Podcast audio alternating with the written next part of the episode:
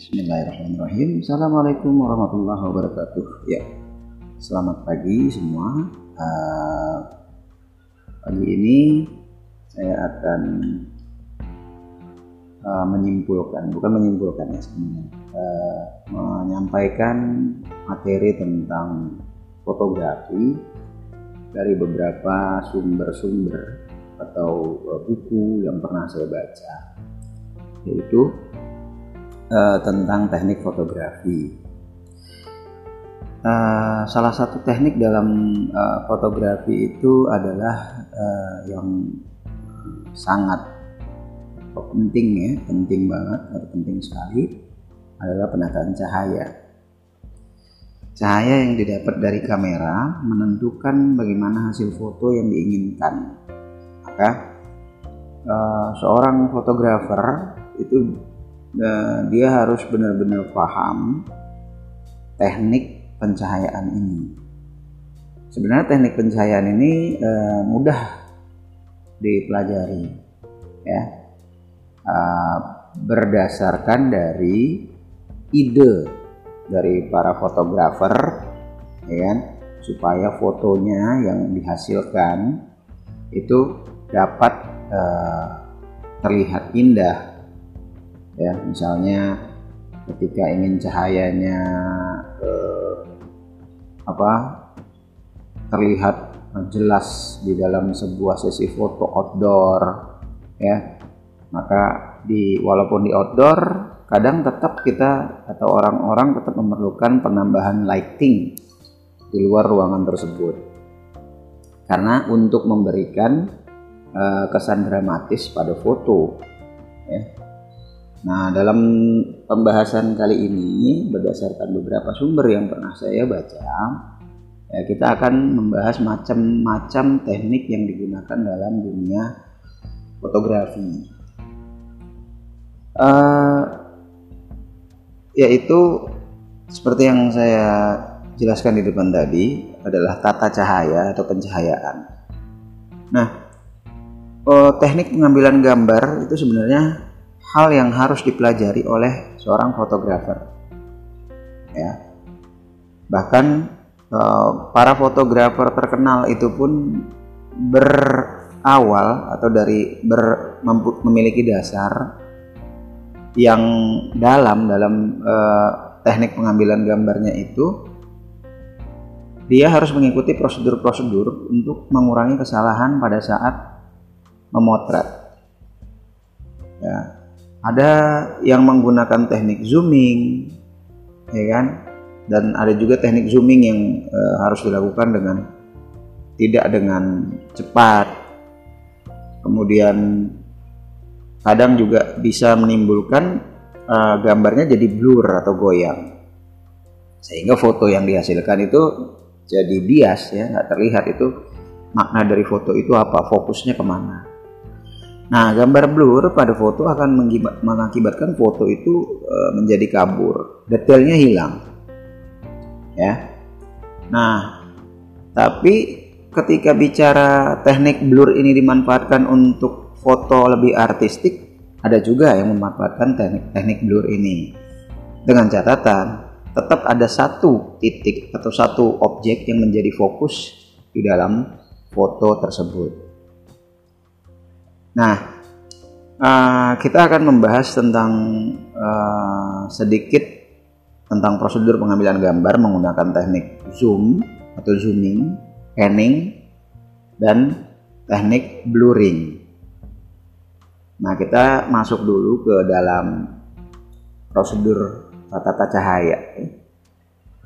Nah, di sini saya menjelaskan tentang dasar-dasar tata cahaya. Dalam produksi foto, pencahayaan itu memiliki beberapa poin penting. Ada key light, ya, fill light, backlight, low key, dan high key. Nah, apa itu key light? Key light itu adalah dia pencahayaan utama yang diarahkan pada objek jadi key light itu merupakan sumber pencahayaan paling dominan pada sebuah objek ya dan ini biasanya lebih terang dibanding dengan feel like. Dalam desain tiga poin pencahayaan, key light ditempatkan pada sudut 45 derajat di atas subjeknya. Nah, jadi coba nah, kalian bisa bayangkan ya key light ini atau uh, posisinya ya posisi dari key light itu ditempatkannya pada sudut 45 derajat di atas sebuah objek. Jadi dia bukan posisinya persis di atas sekali tidak, tapi 45 derajat. Nah, kalau feel like itu pencahayaan pengisi. Nah, ini biasanya feel like ini digunakan untuk menghilangkan bayangan. Ya, ketika kita mengambil foto terus ada terlihat bayangan gitu kayaknya rasanya kurang uh, bagus ya. Nggak nice kalau istilahnya gitu ya. Nah, menghilangkan bayangan pada objek yang disebabkan oleh key light. Nah, jadi feel like ini ditempatkan berseberangan dengan subjek yang mempunyai jarak yang sama dengan key light. Intensitas pencahayaan dari fill light itu sendiri biasanya uh, setengah dari key light tadi. Ya, light tadi kan yang 45 derajat tadi. Nah, jadi intensitas uh, pencahayaan dari fill light ini dia setengah dari key light. Kemudian ada lagi yang dinamakan backlight. Nah, kadang kalau kita suka foto pakai apa kalau di depan di apa di luar ruangan gitu ya pas lagi ngambil foto aduh backlight backlight gitu ya nah itu istilah jadi kalau backlight itu apa backlight itu pencahayaan dari arah belakang objek nah dia juga sebenarnya berfungsi untuk memberikan dimensi agar subjeknya e, tidak menyatu dengan latar belakang Nah, tapi kalau di sini dengan teknik pencahayaan backlight ini, dia diletakkan posisinya adalah 45 derajat di belakang subjek. Intensitas dari pencahayaan backlight ini sangat tergantung dari pencahayaan key light tadi dan fill light. Dan tentu saja ini tergantung pada subjek. Misalnya, backlight untuk orang berambut panjang akan sedikit berbeda dengan pencahayaan untuk orang dengan warna rambut hitam, sorry, rambut pirang tadi ya. Jadi uh, backlight untuk orang yang berambut pirang ini pasti akan sangat berbeda dengan pencahayaannya untuk orang yang memiliki warna rambut hitam. Kemudian ada lagi yang namanya low key, ya dasar uh, tata cahaya yang namanya. Low key itu merupakan uh, nuansa cahaya yang gelap untuk memberikan nuansa misterius. Jadi foto yang dihasilkan dengan teknik uh, dasar tata cahaya Loki ini dia uh, memberikan nuansa misterius atau kesedihan dalam sebuah foto. Nah, cara mempersiapkan Loki ini gimana? Yaitu dengan latar belakang yang bernuansa gelap seperti warna hitam, warna-warna tua ya. Kemudian pilihkan pakaian yang gelap juga ya. Untuk si apa uh, objek yang akan kita ambil misalnya orang gitu ya. Kita gunakan uh, pakaiannya yang warna gelap juga seperti warna hitam. Nah sehingga dia akan menghasilkan uh, kesan yang sangat misterius gitu ya nah kemudian yang uh, selanjutnya itu yang atau yang kelima ada yang namanya high key ya high key Nah, Haiki ini merupakan teknik tata cahaya dengan nuansa cahaya terang untuk memberikan suasana cerah. Suasana cerah, gembira, cantik. Ya. Nah, tata cahaya Haiki ini banyak digunakan untuk foto keluarga, foto-foto kecantikan ya, atau uh, beauty foto, foto anak, uh, foto anak-anak, foto bayi, ya. Nah, itu biasanya banyak atau uh, yang digunakan adalah uh, teknik tata cahaya high key namanya. Nah, dalam memotret high key yang baik, ya, uh, itu biasanya memilih latar belakang yang berwarna cerah, warna-warna latar belakang yang cerah putih, warna terang seperti kuning, ya. Uh, untuk portrait, warna pakaian dan aksesoris juga harus disesuaikan. Nah, itu tadi ada lima ya dari dasar-dasar tata cahaya yang uh, bisa saya sampaikan. Nah, nanti next kita akan uh, lanjut ya kepada uh, teknik fotografi yang lain ya yaitu rule of third. Ya, rule of third. Nah, dari beberapa pemaparan saya tadi, dari lima, lima pemaparan saya tadi ya. Nah, coba kalian bisa mungkin nanti mempraktekkan ya pak eh, saya nggak punya kamera yang canggih atau apa ya mungkin nah, kalau mengutip kalimat fotografer fotografer uh, profesional ya uh, atau kalau saya sih pernah yang saya ingat banget itu dari Mas Arbain Ramdi ya uh, beliau pernah berkata bukan dari alat yang kamu punya gitu loh. Jadi e, menghasilkan foto yang indah atau yang bagus itu bukan dari alat yang kamu punya. Ya, jadi dari kreativitas sebenarnya bagaimana cara kalian berkreativitas. Even pakai kamera handphone pun kalau kamu bisa mempraktekkan tadi ya contoh-contoh pencahayaan yang sudah saya paparkan tadi lima pencahayaan tadi ya kalian coba eksperimen sendiri di rumah. Misalnya uh, gunakan objek boleh uh, pinjem adiknya atau uh, bahkan mungkin orang tuanya ya. Uh, coba sebentar dijadiin objek foto ayo kita foto gitu ya. Nah jadi menggunakan apa?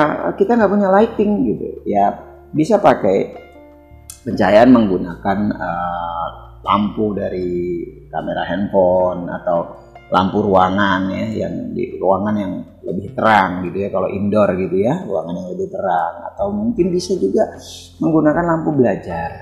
Ya lampu belajar. Nah diposisikan tadi dengan posisi lima posisi yang sudah uh, saya jelaskan tadi ya lima lima teknik uh, dasar pencahayaan yang sudah saya jelaskan tadi yaitu bisa coba dengan key light itu seperti apa hasil fotonya kemudian oh dipakein feel like dia seperti apa hasil fotonya dipakein teknik uh, dasar tata cahaya yang uh, backlight dia seperti apa low key seperti apa kemudian yang terakhir tadi adalah high key seperti apa uh, apa hasil dari foto yang kalian uh, sudah ambil tadi nah coba dilihat dulu atau dicoba dulu ya hasil-hasil dari uh, foto yang sudah diambil tadi. Oh ini uh, kurangnya di sini kan kelihatan ya. Kalau kalau sudah dipraktekkan itu dia biasanya kelihatan. Nah, jadi nggak um, usah takut untuk mencoba, nggak usah berpikir oh saya nggak punya kamera yang canggih. Dicoba dulu ya. Boleh dengan menggunakan kamera smartphone atau juga kamera smartphone sekarang juga udah canggih-canggih ya. Nah, dibantu dengan pencahayaan tadi. Nah, uh, yang eh, terakhir yang mau saya uraikan pada sesi ini adalah eh, kita juga sebagai seorang fotografer dalam hal pembelajarannya ya nah, ini kan teknik-teknik dasar ya harus memahami tata cahaya dalam pengambilan gambar. Nah, apa itu maksudnya ya? Nah, jadi eh, cahaya dan fotografi itu kan tidak dapat dipisahkan dalam fotografi cahaya memiliki fungsi sebagai berikut. Nah, ini perlu perlu perlu difahami ya, perlu dipahami setelah tadi uh, dasar tata cahaya tadi perlu dipahami. Ya. Kenapa mesti tadi ada ada lima dasar tata cahaya tadi? Nah, ini dia. Satu, tata cahaya itu memiliki fungsi sebagai fungsi penerangan ya terhadap objek dengan intensitas cahaya yang berbeda-beda. Nah, seperti yang tadi saya sudah jelaskan ya di depan dengan lima teknik tadi. Ada juga yang kedua yaitu uh, fungsi dimensi. Itu tata, cahaya memberikan ke, uh, kedalaman dan gelap terang terhadap objek sehingga dimensi akan muncul dan membentuk membentuk perspektif. Nah, yang ketiga eh, tata cahaya dalam pengambilan gambar itu memiliki fungsi pemilihan, yaitu cahaya menentukan objek dan area yang disorot. Sehingga bagian tertentu yang terlihat jelas dapat menarik perhatian. Apa nih fokusnya mau ke sebelah mana nih fotonya? Ya, misalnya mungkin kalian pernah lihat ada foto yang mukanya sebelah agak gelap, sebelah kanannya gitu ya, sebelah kirinya terang gitu ya. Nah, kayak gitu. Jadi uh, fungsi pemilihan fokusnya di mana yang mau menarik perhatian. Ada juga yang keempatnya adalah fungsi atmosfer, yaitu cahaya itu memberikan atmosfer atau suasana sehingga yang melihat e, foto tadi itu akan terbawa secara emosional ya akan terbawa dia secara emosional e, ke dalam foto yang dilihatnya tersebut atau yang di, disajikan. Nah, dalam fotografi ya juga terdapat tiga jenis sumber cahaya. Ini juga perlu kita pahami ya. Ada yang pertama itu available lighting yaitu pencahayaan dengan menggunakan sumber cahaya yang telah tersedia, misalnya yang natural ya, matahari. Ya. Uh, bisa lampu kamar juga termasuk, lampu kota dan sebagainya. Nah, kalau kalian pernah lihat uh, kalau ada beberapa foto mungkin kan bisa search ya di Google atau bisa lihat ya ada foto di apa uh, pada suasana malam hari diambil objek ya kan? Ada lampu jalan di bawahnya ada objek mungkin orang sedang berjalan atau orang sedang berdiri ya menunggu sesuatu gitu kan? Nah itu kan akan terlihat dramatik gitu ya foto yang dengan pencahayaan yang tadi. Seperti itu satu contoh misalnya. Kemudian jenis sumber cahaya yang kedua adalah yang namanya artificial lighting Ya, kalau yang tadi available lighting, yang kedua itu artificial lighting. Apa itu artificial lighting? Artificial lighting adalah maaf um, pencahayaan dengan menggunakan sumber cahaya yang dipersiapkan oleh fotografer, misalnya flash, ya, strobis atau studio light, ya. Jadi pakai uh, penerangan yang disiapkan oleh si fotografer dan lain-lain masih banyak lagi. Nah yang ketiga itu ada yang namanya mix lighting. Nah apa ini mix lighting itu adalah dia menggunakan cahaya gabungan dari sumber cahaya yang sudah ada. Jadi uh, yang available lighting tadi digabung dengan uh, sumber cahaya yang dipersiapkan oleh fotografer. Contoh, Mas lagi ngambil uh, foto di dalam pencahayaan sudah ada di dengan lampu kamar. Oh ini kurang terang gitu ya. Kurang bagus nih ditambahkan lagi. Oh coba flashnya di dipakai flash deh diambil gitu kan. Udah ada lampu di kamar ya. Uh, di ruangan udah ada lampu dia masih pakai flash lagi. Nah itu tadi. Jadi itu disebutnya namanya mix lighting ya. Nah uh, itu beberapa uraian ya. Beberapa uraian yang bisa saya sharing ya sebenarnya bukan apa ya bukan bukan profesional juga sih cuman sifatnya saya sharing berdasarkan uh, referensi dari buku yang pernah saya baca yaitu tadi adalah uh, dasar-dasar tata cahaya ya dan uh, memahami tata cahaya dalam pengambilan gambar ya itu saja dulu untuk uh, segmen atau episode kali ini ya, untuk sesi kali ini semoga dapat bermanfaat untuk yang mendengarkan ya.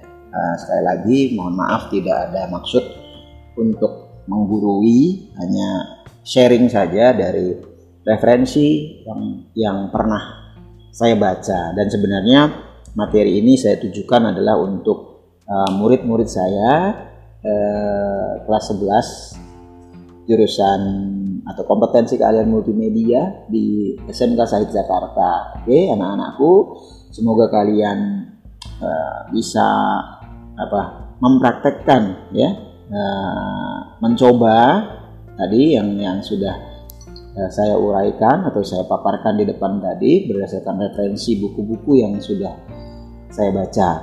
Dan bagi yang lain yang mungkin juga ada dari sekolah-sekolah lain yang mendengarkan podcast ini ya. Semoga dapat bermanfaat juga untuk menambah wawasan ya. Kurang dan lebihnya uh, saya maaf ya.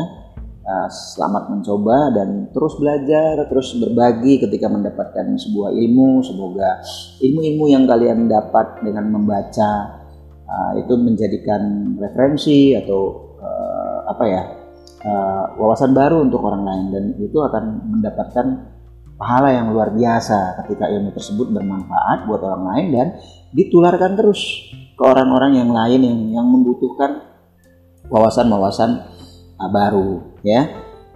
Itu saja terima kasih uh, dengan saya Alben ya. Uh, nanti kita akan coba bertemu lagi di pembahasan-pembahasan atau episode-episode berikutnya ya Uh, semoga bermanfaat. Akhirul kalam. Assalamualaikum warahmatullahi wabarakatuh.